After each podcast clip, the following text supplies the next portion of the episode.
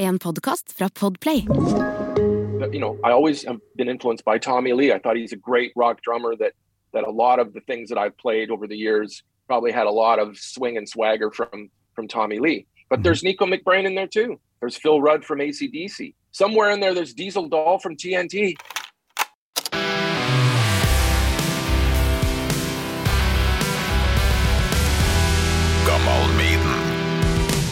Recording in progress. Now it's working. Yeah, I'm, I'm just waiting to make sure it's pretty early in the morning, so I'm just I'm just clicking on to make sure he joins. Uh, it's rock and roll early, man. It's 8:20. Oh, here he comes. Oh, nice. Hey, Hey, how are you? hi, buddy. Hey, happy New Year. Good to see you. You too, man. You too. Good to see you.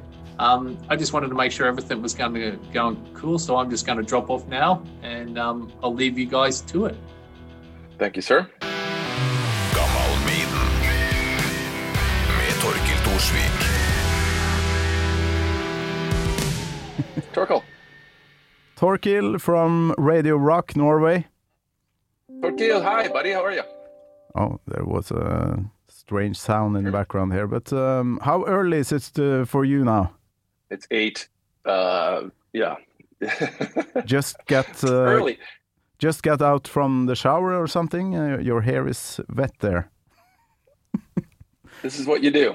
You get up early. You make a lot of coffee. I'll, I'll be on the third cup now, and you put a Kiss shirt on. Hey, it's good. Kiss shirt. Um, where are you? You live in uh, L.A. I live in Las Vegas, In Vegas. and yeah, I moved in. Uh, well, I've lived almost twenty years in Las Vegas. I used to live in LA. Um, Okay.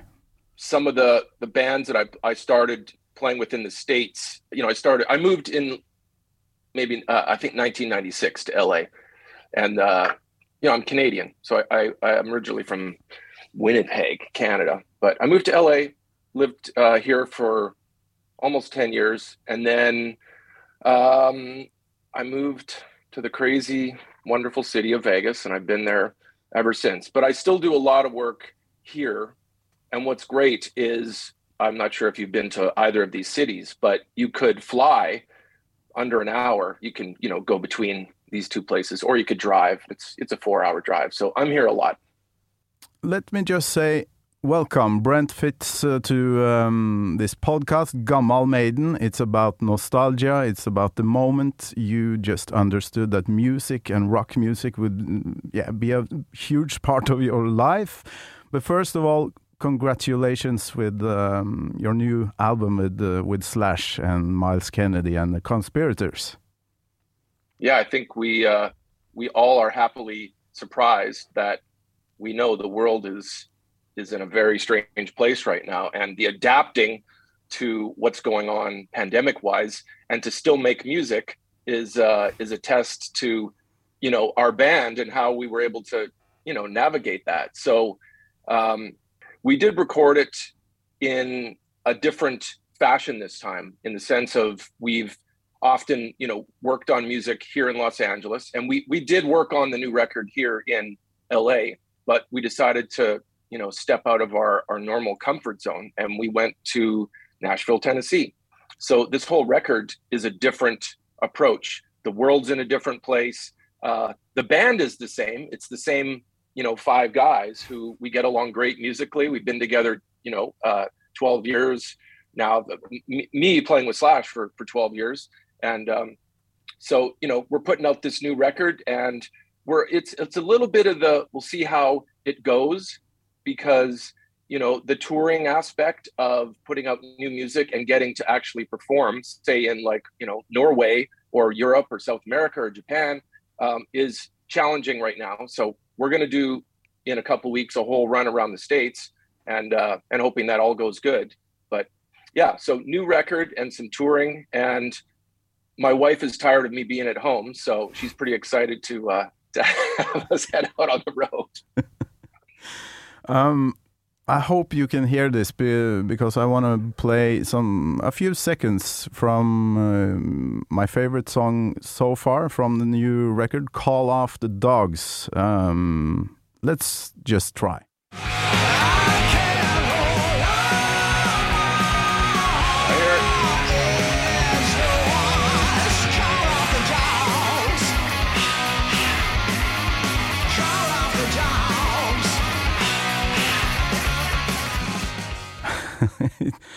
Just sounds like you guys uh, are having a lot of fun here. Oh, it's it's absolutely that.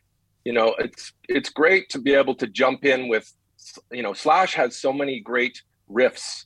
Um, of course, over the, over his body of work over the you know many many years, we've all heard so many great riffs that he's he's contributed to. But every time he comes up, up with a new one, it it just uh, it's a pleasure. I get to be the rhythm section with him. You know, Todd Kerns and I. We usually just like that song, for example. If I was if I would remember when we you know started working on it, Slash will always come up with that da da da da da da da da. You know, it's just a vibe, and then we just kind of jump in. And sometimes it's it's up tempo. Sometimes it's a little more, you know, it, it, a little more, you know, mid tempo uh, mainstreams. But we're always good for a few really barn burnery kind of, you know, up tempo rock songs. So that one I think just came out Friday, and um, you know that one we'll definitely throw into the set when we get out on the road right away. We've actually been rehearsing that one, you know, right now. So um, yeah, it's it's nice to hear it. I'm glad you know people are hearing it around the uh, you know over in Europe, and and uh, hopefully hope you like it. We do, and you you can play a lot of instruments. You you play with all, yeah. You play played with Lemmy, Alice Cooper. You played with uh, still play with Gene Simmons, right? Um, we're on a good friendship basis, and uh, obviously he's still doing um, Kiss. Mm-hmm. And yeah, I had uh, a great time playing in a. I guess the first time Gene did a solo band, which was a few years back, and um, so and, and you know I am wearing the Kiss shirt today. Kiss is a, a huge part of my my DNA, my musical makeup. So um, yeah, I uh, I keep Gene uh, you know high on my list of of uh, cool gigs that I got got to do with. Am I playing with him today? No, I'm busy with Slash. But will I play with Gene again? Quite possibly. Yeah, and let's not forget uh, the Guess Who, Bruce Kulick, Vince Neil, Gilby Clarke, and mm. the list is uh, long. And you're, guess you're used to touring a lot. Uh, so how how has um, the the lockdown period been been for you? Um, well, there's there's two good things. Um, you know, getting to spend a little more time with family at home. My wife, most important, um, has been used to since we met. You know, the the touring cycle that comes with being a, a, musician. I always say we're we're kind of gypsy pirates. You know, we're we're gone and we you know kiss our wives goodbye, and then you go go out and do the the tour for for you know if it's either a week or a month or or several months, and then this time my wife's like seeing me home all the time, and and um, that's I, you know everyone that you will speak to who's you know been an entertainer their whole life. It's it's not exactly the most uh, you know pleasing uh, you know, it's like you have to rewire yourself to think, okay, I'm going to not be traveling. And the hardest thing, and I'm a, uh, I'm a true, uh, uh, like I'm a people person. I really value my friendships with people in music that I've been, you know, fortunate to meet around the world, and to not have that that direct connection and the mm-hmm. travel and to go and tour and then you know i have friends in in oslo i have friends all over europe you know like that I'm very close with. You know, I, I'm I could tell you I've I've drank a lot of coffee around the planet, and it's not the reason I play music, but I really like drinking coffee. And one of my favorite coffee shops is Tim Wendelboe in Oslo there. And you know, I keep thinking, well, when's the next time I'm going to be able to do that? You know, it's it's like kind of a strange concept that I've been away from all these, these comforts. Tim Wendelboe, he's uh, yeah, he's known for his uh, his coffee shop here in Oslo. Amazing, amazing. You guys should be proud over there. You should be proud of also, and I got to uh, send a shout out. When I was, um, you know, buying records in my early teens, going to the local record shop up in Winnipeg, I'd always stumble on. I remember when I, I bought the first Metallica record, the first, you know, my first Iron Maiden record. You know, when they when they were brand new albums. You know, I was into everything in the you know late 70s and early 80s and one of the bands i discovered early on was tnt of course i mean ronni le tekrø is one of my favorite guitar players and um, tony harnell amazing singer so I, I i'm very near and dear to the band tnt and actually last time I, I was in oslo i bought some limited edition versions of some some albums that i couldn't get in america so i'm super fan that's what i miss about touring buying records, drinking coffee, playing music around the world. So, So- it's been tough. Yeah. What other um, Norwegians uh, do you know? Do you know any of the guys in TNT? I don't know them uh, personally, other than Tony Harnell. I've Okay. met Tony many times, and you know he lives back in America. He's actually in Nashville. So, um, yeah, but uh, I, I've never met Ronni Le Tekrø. Would I like to meet him? Absolutely, absolutely. And touring uh, is also writing music. I, I heard in a, another interview we did with Slash that he um, always writes a lot of music on tour. How do you guys do that? Um, Is it like right before the concert starts and he, he just Yes, it really is that. It's Ah. not that hard to, if you every day sound check before the show, which we do, and we like and look forward to that every every day. This band sound checks, and you know, part of sound checking is because we want it to be, you know, comfortable for everyone on stage, and you know, a sound check becomes the first chance everybody's, you know, first part of the day getting to, uh, you know, we're all everyone's drinking coffee and jumping on stage. And you're just kind of hyped like for the show. So the riffs come out and slash like i said it's always good for he's just got a lot of great riffs still still coming all the time. So that's where a sound check is ideal for this band. So the whole record the new album four i would say at least half of it started from a sound check on the living the dream tour from you know previous couple years. And i think it's it's um you know it's not rocket science. It's you know we could spend time also in a rehearsal room you know off tour which we do as well. But i mean you're on tour we're spending time together every day and we're already warmed up and the riffs are just there and you're kind of fired up even from the show before or something and and uh, yeah we we record them you know record the ideas at sound check and then you know slash revisits them and probably you know refines them a little bit. And then next thing you know um, we've got half a song together and and myles kennedy is always good with coming up with a little bit of a you know a scat melody maybe not a committed lyric but just get a melody over top of a riff. And um and then it just organically turns in into a rock song you know? And we've been doing that for years. Okay, Brent, let's um, time travel a little bit. Um, for me, Iron Maiden was the, the first band that uh, I just thought, wow, uh, I want to do this. I want to um, I want to play rock and roll. I want to know more about it. Um, what kind of uh, band did the same to you the moment you just understood that uh, this is it? Well, I, I will say I'm wearing the Kiss shirt, like I said, and Kiss definitely hit all those marks for me. That was an early on.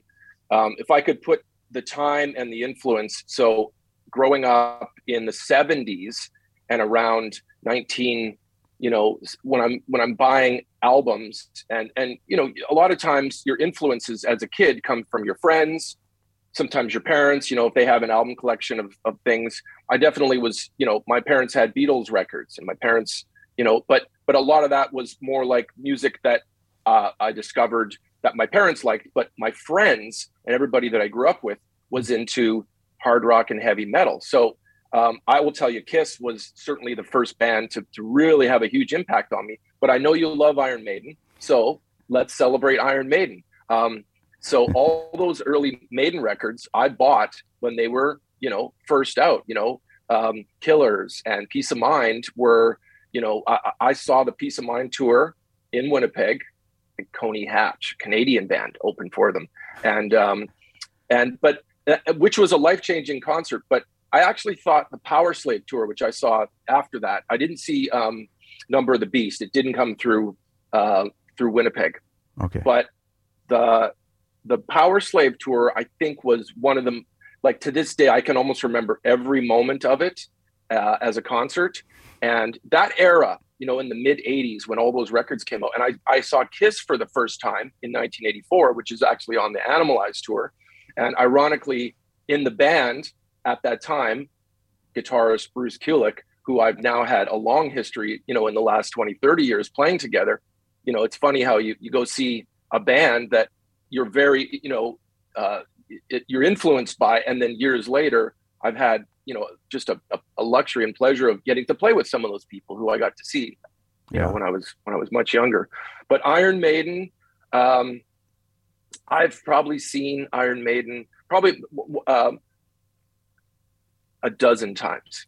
what does that say as a fan? So, and every time they've come, even recently through Vegas, I always try and go see them. And uh, so I have a I have a massive love for uh, for Iron Maiden. So uh, you, you you want to share me your love for Iron Maiden? I already know you love them. Thanks.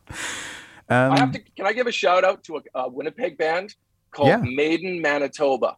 I wish I was wearing the shirt. I sometimes I, I didn't pack the shirt, but uh, my friends back home in Winnipeg have it's the coolest name, Maiden Manitoba, and they're the Iron Maiden tribute band back home, and they're awesome. There's actually a great uh, the Iron Maidens, the, the girls that yeah. play in the states, and they play in Vegas all the time. And every time they play, it is sold out. so clearly, they're doing something right. Okay. Oh my God. The the the power. This World Slavery Tour. You you saw you actually saw the sarcophagus um, on stage and everything you, from Live After Death video. You were there. Yeah, I was there. I have the I have the ticket to prove it. I have the shirt. I have the shirt. You know, the power slave Tour shirt. And what's funny is uh, I can't wear it anymore. All those shirts. You know, we were a lot smaller and we were kids at the time. But I have every and there were the three quarter length sleeves. You know, it was white with the power slave Tour yeah. uh, album cover, and then and the black sleeves. And um, I, I still have a great, you know, proud collection of all those shirts. And it seems like all those concerts happened from about 1982 to about 1988. I saw every hard rock concert that came through Winnipeg. Now I'm from this smaller city in Canada. That's not Toronto or Vancouver. You know, not always every tour would come through, but the good thing was surprisingly in the 80s, most of the bands that I liked came through. Scorpions, Judas Priest, Iron Maiden, uh, you know, and and, I, and Kiss, and so everything that came through was the, those were all my favorite bands, and so I have every T-shirt, I have all the original albums, the vinyl I bought back then, and uh, I, I could tell you I probably listened to a, an Iron Maiden record like three weeks ago back in Vegas. I mean, you know, I feel like I'm I'm always revisiting being a teenager. I think that's what keeps you, you know, I'm always a fan. We're always going to be fans. Whether you play in a band with slashers, I'm, we're all still fans of the things we loved yeah. growing up, right? Yeah. Okay, a regular uh, question here in this podcast. Mm -hmm. Do you remember the first time, the moment you heard um, a Maiden song or uh, um, heard Maiden? Yeah, it would have been the local rock radio station called um, CITI FM, 92 CITI FM, which still exists, and it's basically that was the soundtrack of my childhood. Was radio. But they also it was it was great because um, if you remember some of the early videos for those bands too. So you know an album cover made an impact on you back then because Iron Maiden had some of the most amazing album covers that you just stared at, and you know, and then hearing those those songs, you know, on the radio. But just getting together with my friends, you know, we all discovered it from radio, and then you go down to the record store, and sometimes if you just saw an album I used to buy a record because it was like, holy fuck, that's the coolest record, you know, cover I've ever seen. If it was, you know, Slayer or, you know, remember the first time I bought, I bought an Anthrax record. It was just, you know, sometimes you just go on the, the whim of the cover. But Iron Maiden, definitely seeing an album in a record store and hearing them on the radio. Yeah. And what uh, do you remember the first album you bought? Like uh, you saw Eddie there, and you you just had to have that album. Yeah, well, I had killers, but um, uh, my friends had the first record, you know, Paul Di'Anno, um, all that era. And I think Number of the Beast was the one we all just like every kid my age. I'm 51. So you got to remember in 82 or whatever it was, um, I was 12 years old. That's a very impactful time, you know, to have, you know, all your friends. We, we just all love the same music. And interesting enough, in that time, there was a division in growing up in the neighborhood were you an Iron Maiden fan or were you a Judas Priest fan? I don't know if you had that over in Europe, but in Canada, it was very much defined. Which were you? And I was like, well, I, I like both bands. Mm-hmm. Um, I grew up in in this certain neighborhood, and on the uh, a couple streets away uh, was uh, another music fan friend of mine who you might know, who's a very famous musician and wrestler, Chris Jericho. Yeah. So he was always the Iron Maiden, you know, aficionado. Like to this day, of course, we know Chris is very publicly the biggest Iron Maiden fan. But I think I was, you know, look, we all went to those same concerts together, and uh, and you know, again, we just all had the same influences. You know, Maiden was just like every kid had a Maiden shirt after that Power Slave tour. When I went to school the next day, every kid and the girls all had Iron Maiden shirts. It was just it was such a culture back then. Everybody liked a lot of the same music. It's interesting how it was, and it might it just might not. Is it not that way now? I don't know. All I know is how I how I grew up. You actually play um, a tribute, uh, like a cover version of, um, um, yeah, with Chris Jericho. Evil That Men Do. Evil That Men Yes. Do. I've actually Yeah. got some um, some uh, some seconds from um, the first verse. I I really like his uh, vocals there. So let's Good, listen right? to it. Love is a razor and I walk the line on that silver blade. Slipped in the dust with his daughter, eyes red with the slaughter of innocence. And I will pray for her, and I will call her name out loud. Oh, it's so nice. How about the? I think Iron Maiden invented that gallop, and I Yeah. mean the rhythm, and you know, the power of certain bands. That the second you hear them, they just have a special. Like nobody sounds like Iron Maiden, and a Mhm. lot. Of, we're all influences, you know, influenced by things we grew up on. And I've, you know, listened to Maiden a thousand times, but they're, you know, like not, nobody sounds like that band, you know. And, and I probably, you know, incorporated. There's some sort of DNA in my drumming and the things that I like. In in you know, Nicko McBrain is part of my my musical drummer makeup in some ways. But Yeah. I think that gallop is really specific to um to Iron Maiden. And it's so um, in the um, original, um, like Maiden, the Maiden version of this song. he's Yeah, he's yeah. bass drumming there, like zack, dak, dak, dak, dak. It's um, Yeah. yeah. You would think it's uh, like two pedals, like a double bass drum, but it's not. It's not. And that's important too, is to know that Nicko McBrain isn't using double, you know, double pedal. And I didn't use it on that recording either. And that was challenging to nail that. And I was very specific about my own challenge. Like, I got to nail that part because, I, you know, as a fan, you want to do it justice. Yeah, yeah. So I think, uh, you know, Chris and I very proudly, hey, that's two guys from Winnipeg that grew up on Iron Maiden, seeing all the same concerts. And, and that's our little, little tribute to one of our favorite bands. Yeah. What uh, other people is um, um, are on this? Uh, it's uh, a guy Uh, from Paul Alice in Chains, like my Mike Paul Inez. Gilbert. Oh, I think he did play bass on it. I didn't get to, to do the session with him, but Paul Gilbert definitely played guitar on it. Bob Kulick, Bob Kulick. um, played guitar and and produced the session as well. So okay. yeah, it's kind of like a, a- well, the whole record. If that if you get that, it's numbers from the beast is what it's called. Yeah. there's a whole bunch of great people that tributed that on uh, on that record. Yeah. How did you guys do it? Um did you um, ever meet in uh, the studio, or is it uh, recorded separately? Yeah, Bob invited me down. It was done in LA, probably in um, I don't know, 10, 10 years ago. No, hmm maybe maybe 20 years ago, I think. Uh, uh, yeah, it was probably 2002 or something. Anyway, um, I don't know. Bob had had a session where you know he's he's probably doing all of those tracks with everyone, and he just sort of slots you in. And I came down, and I think Chris sang the next day, so we did like the bed tracks and and um, yeah, it's it's more like a studio session. It's not the same as you know everyone getting in the room and, and jamming it, but yeah, it's great. I'm glad you had that. I I, I, Yeah. I did not forget about that. I just uh, it was it's great that we can talk about it today because I not often get to celebrate and talk about that track that I did. So thanks for that. And I really like. I also have some um, seconds from uh, the ending because you Mm. did a creative uh, version there. You didn't just take the maiden version and uh, and do the same thing. You you actually did something else. So let's uh, listen to that. That was the original. Wait a minute. We can listen to that. too.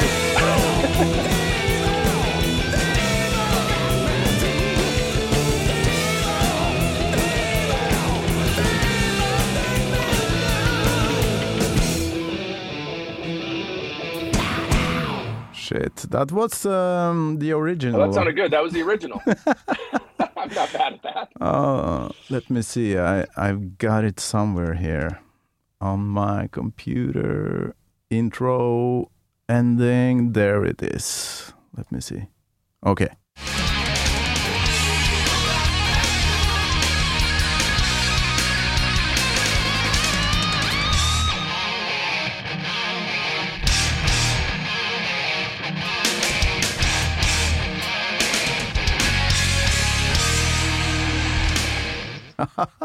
Okay, and you know, like I think Nicko McBrain has a great drum sound. You know, again, like the just the musicality of of Iron Maiden, the the the toms, the drums had very high pitched. You know, like they they cut through the mix, and Mhm. and you know some of those tom fills are things that we all as drummers you know you want to it's like you air, you go to an iron maiden concert you're air banding to the drum parts like as if you were going to like a rush show or something like that so i um when we recorded that again i want to be respectful and i tried to to get a little bit more dialed into the the drum sound and how it would you know fit in with the with the music. I, i'm always thinking you know like big pictures you know just not just the parts but the sonics of it and be you know respectful. I, when i'm playing somebody else's music it's very important to me to be respectful when something's already the template has been created.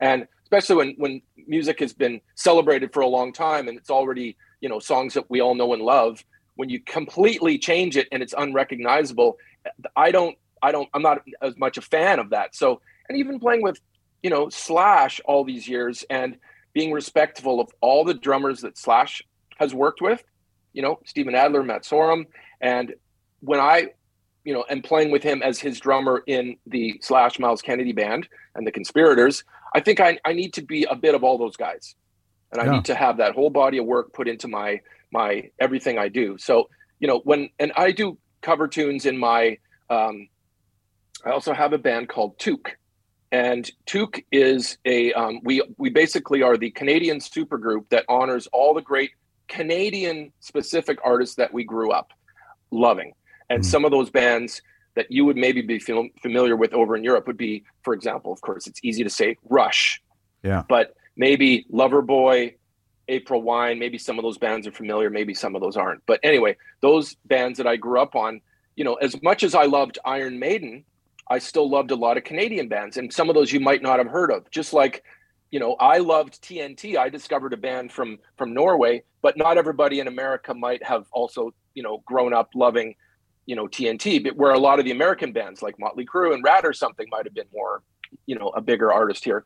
But anyway the um the fact that you know I, I have always tried to honor what was what was in place. So when i play with Toque and i'm the bass player in Toque and i've also played drums that's my multi instrumentalist persona coming through. But uh yeah i just i like to be you know true to the original.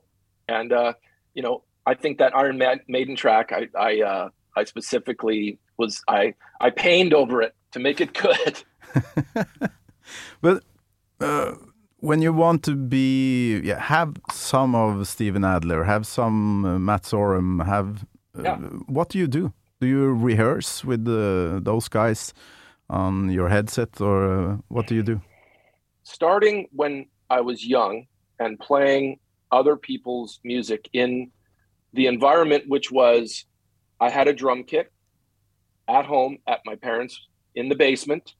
You know, growing up in Canada, most of the homes, you know, the basement is where all the, the rock bands start in your parents' basement. Yeah, And, you know, having a record player beside the drum kit and vinyl, and of course, my whole entire rock collection, which would have been you know every everything that was you know at my fingertips every iron maiden record or whatever else i was growing up on rush albums kiss albums you know i'm just playing along to those records so i'm slowly but surely you know gaining all that influence and style into my playing from from playing along to records as a kid Mhm. so that's where um, all that dna comes from early on and just learning that when i jammed along to the songs i got good at playing other people's parts and hearing them on records. It's different than today when you can listen to an MP3 and you know like or slow down something and listen. You know, we had to go to the record and oh, what was he playing? And you go back, put the record on, and you know it was a it was a little harder to get through all that. But you know, to be influenced by what what I do with Slash, I just think my my gig playing with him, it's just a better fit. It's a better comfort, and that's why I think Slash and I work well together as guitar player and drummer. Is because mm-hmm. I do fit in with his a lot of everything that's come before him, and I'm just adding the new, you know, a bit of everything with what we're doing now. And you'll probably without directly knowing influences i'm i'm you know kind of respectfully playing in a style of of slash you know all the things he's worked on plus all the things i've grown up on. So you know there's a bit of the, the, the you know i always have been influenced by tommy lee. I thought he's a great rock drummer that that a lot of the things that i've played over the years probably had a lot of swing and swagger from from tommy lee. But mm-hmm. there's nicko mcbrain in there too you know? There's phil rudd from acdc there's there's definitely some somewhere in there there's diesel dahl from tnt there just is you know? Everything you grow up metallica it's all there. So yeah you know diesel? I don't know him personally but I, am telling you i could go on and on about tnt if you want. I actually had thought, you know, um, I actually had um, Ronni uh, as a guest in this podcast, and it was really nice. So, yeah, if you talk to any of those guys, please tell them I said hello and I am a big fan and I much respect the music and I was there from day one. So, and I'm still still on board with with, with the band. You're listening to a podcast. I'm Bruce Dickinson. You're not, and you're listening to Gammal Maiden. Here's a here's a little twist and a, and a connection. So, um, the first time I saw Slash, first time I saw Slash live, first time I saw Guns N' Roses, yeah. was um, before they were the the biggest band in the world, which would have been um, I saw them in 1987, and they were opening. They came through Winnipeg, Winnipeg, Canada, my hometown. Probably one of their first tours, at, like you know, doing international um, gigs, which was uh, opening for the Cult. Yeah. So with Matt and, Sorum, uh, did uh, Matt Sorum play in the no. Cult then? Yes. Yeah. Oh yeah and the cult were you know that was like the sonic temple tour. So you know oh cult God. were very very big at the time. It was great. So that's a nice uh, album too. Sonic temple. Yeah but i see i would have gone to that concert a fan of the cult and then going oh that that band guns N' roses i've heard of them. I you know the record had just come out. Okay. so it wasn't all those songs were not you know everybody was not familiar especially because of mtv not releasing the, the Sweet Child of Mine and the Paradise City videos to to mass you know success. Yeah. So going to see you know Guns N' Roses for the first time, I just remember going, man, that band had a vibe. I mean, they were like a a real gritty, tough rock band, and they definitely had a cool vibe. And I remember, of course, you know, going, wow, the guitar player great, whole band great, Axl great, but it, it you know, I was there going, but the cult man that had such great songs, and I just you know, I was just a big cult fan at the time. So fast forward to not that far after that, maybe six months, when the the Guns N' Roses trajectory started to get you know just an explosion. But uh, they came back on Somewhere in Time tour, Iron Maiden. Oh. Which, if you know, if you ask the the members of Guns N' Roses, I can't remember if that was a successful tour or if that was the right pairing. But I was, you know, again, I'm going to see Iron Maiden for the third time, you know, because I saw the, the two tours previously. Yeah. And so the Somewhere in Time tour, which was interesting because that would have been was that 87 or, or early 88, probably early 88, but um, a lot of keyboards, yeah. you know, yeah, yeah, um, in their in their music back then. And Guns N' Roses was basically making this template of getting everything back to like you know five piece straight up rock and roll with two guitars. Yeah. And yet Iron Maiden, which was uh, you know a very influential two guitar wielding rock band, had some keyboards, you know, interesting in that time. But I still loved Iron Maiden, and I got to see that tour, you know, as an, an 18 year old kid. And I saw, so I saw Slash twice. Oh my God. I was even, you know, I was still in high school. Cool, you're, right? You're a lucky guy. I was too young to uh, see any concerts in. How old uh, are you? I'm uh, 43. Yeah, you would have been a little too young to see those those uh, those tours that I saw. Yeah, um, and uh, if I lived in Oslo, I could uh, probably, uh, yeah, ask my parents to take me to these uh, concerts. But um, I I come from the countryside, and it, it's in the eighties. Uh, an airplane ticket would be uh, like uh, half a salary or something. So, but growing up, not just being able to see the bands, but you definitely would have read about them. Metal Hammer, Kerrang, all the. I'm sure there was band, there's Oh, yeah. magazines from Norway specific, and those are very impactful too. I wish those magazines were as prevalent now, but for me, it was Circus, Hit Parader, Creem, Faces. You know, I lived Metal Edge. I lived by those magazines. So the bands that I couldn't see in person, I lived through them in photos and Yeah. then in videos because you know at least Iron Maiden, you know, made some. Come on, the two minutes to midnight video, and Aces High, yeah, like you know, those were fucking unbelievable at the time. You Yeah. know, like for me as an influence. So bands that had cool videos, um, and you know, I remember, well, Twisted Sister opened the uh, the tour that I saw Maiden on, you know, on Powerslave album, and uh, but they were a big video band too at the time. So actually, we were we loved Twisted Sister because they had these crazy videos that we watched as a kid. So with that. Uh, yeah, that grumpy, uh, badass School uh, teacher? school teacher, and the father. Uh, like, uh, hey, what are you knew gonna do with your life? Your life. See, we Oh, all talk about it today. so videos nice. were so impactful back then. Yeah. yeah, It's funny because we've made videos with Slash, um, several. Yeah. Um, and you know, the band I think has done had a good time making the videos, but you know, in a lot of ways today, the, the impact of a video is, you know, the YouTube presence and whatnot, but you just don't get that same mileage out of a video. Oh. And it's almost like and and the ability to make a video a lot cheaper. You know, sometimes it's like you don't have to make the grandiose statement for a video. But I miss that. I miss those videos that Yeah. You know we all saw and talked about. Do you see the Mötley Crüe uh, Looks That Kill video? Like first time I saw uh, that video, I mean any anyone who was playing music and drums and saw Tommy Lee, the way he you know looked in that video and twirled his sticks and just slammed, you couldn't not be influenced. You know everybody wanted to be that, Mhm. and those videos were very important for for kids growing up and and seeing our heroes. yeah. So now you have to be on TikTok. I'm not. I do watch TikTok once in a while, but I, I hate to be a, a bit of a complaining grown up, but a lot of that stuff is overwhelming. And you know, it's Yeah. like you almost need a young person to go, how do I do this? How do I get on TikTok? But yeah, Oh. it's pretty fun. Brent, I got uh, sing signal here from Darren. Uh, we got one more minute, so uh, this has been uh, really nice talking to you, and uh, yeah, to to sit back in a time machine with you. I hope you enjoyed it yourself.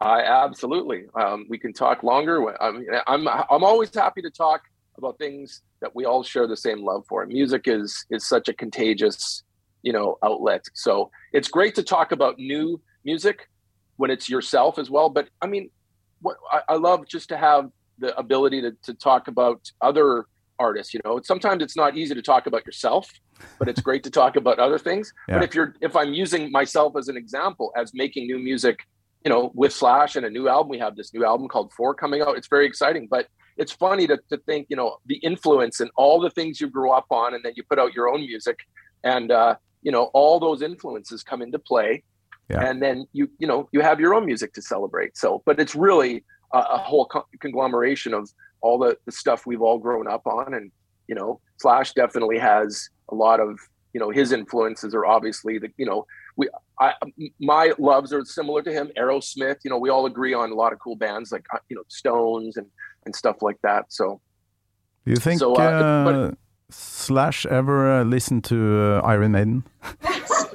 sorry to sorry to interrupt, guys. Um, it's going to cut off. It's going to Yeah, cut okay. off because there's only a 40 minute timer on the uh, on the Zoom. oh, I'm look Slash listens to everything. So I'm Okay. sure he's listened to Iron Maiden over time, and he's toured with those guys. So you know, Yeah, we yeah, toured yeah. with them in 2011 in in Australia. We did a whole tour, a big festival tour. Mhm.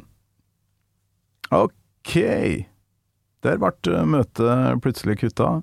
Må si takk, da, til Brent Fitzy eh, fra bandet til Slash for at han eh, tok seg tid, sto opp tidlig og greier på, på morgenen, og tok en eh, lang prat med en nordtrønder i Norge om eh, Maiden og Slash og masse greier. Så det her var koselig, det. Men litt rart å bare bli kutta på det viset her, da. Um, ja ja. Sånn er det. Takk for at du hørte på. Gammal Maiden med Torkel Thorsvik. En podkast fra Radio Rock.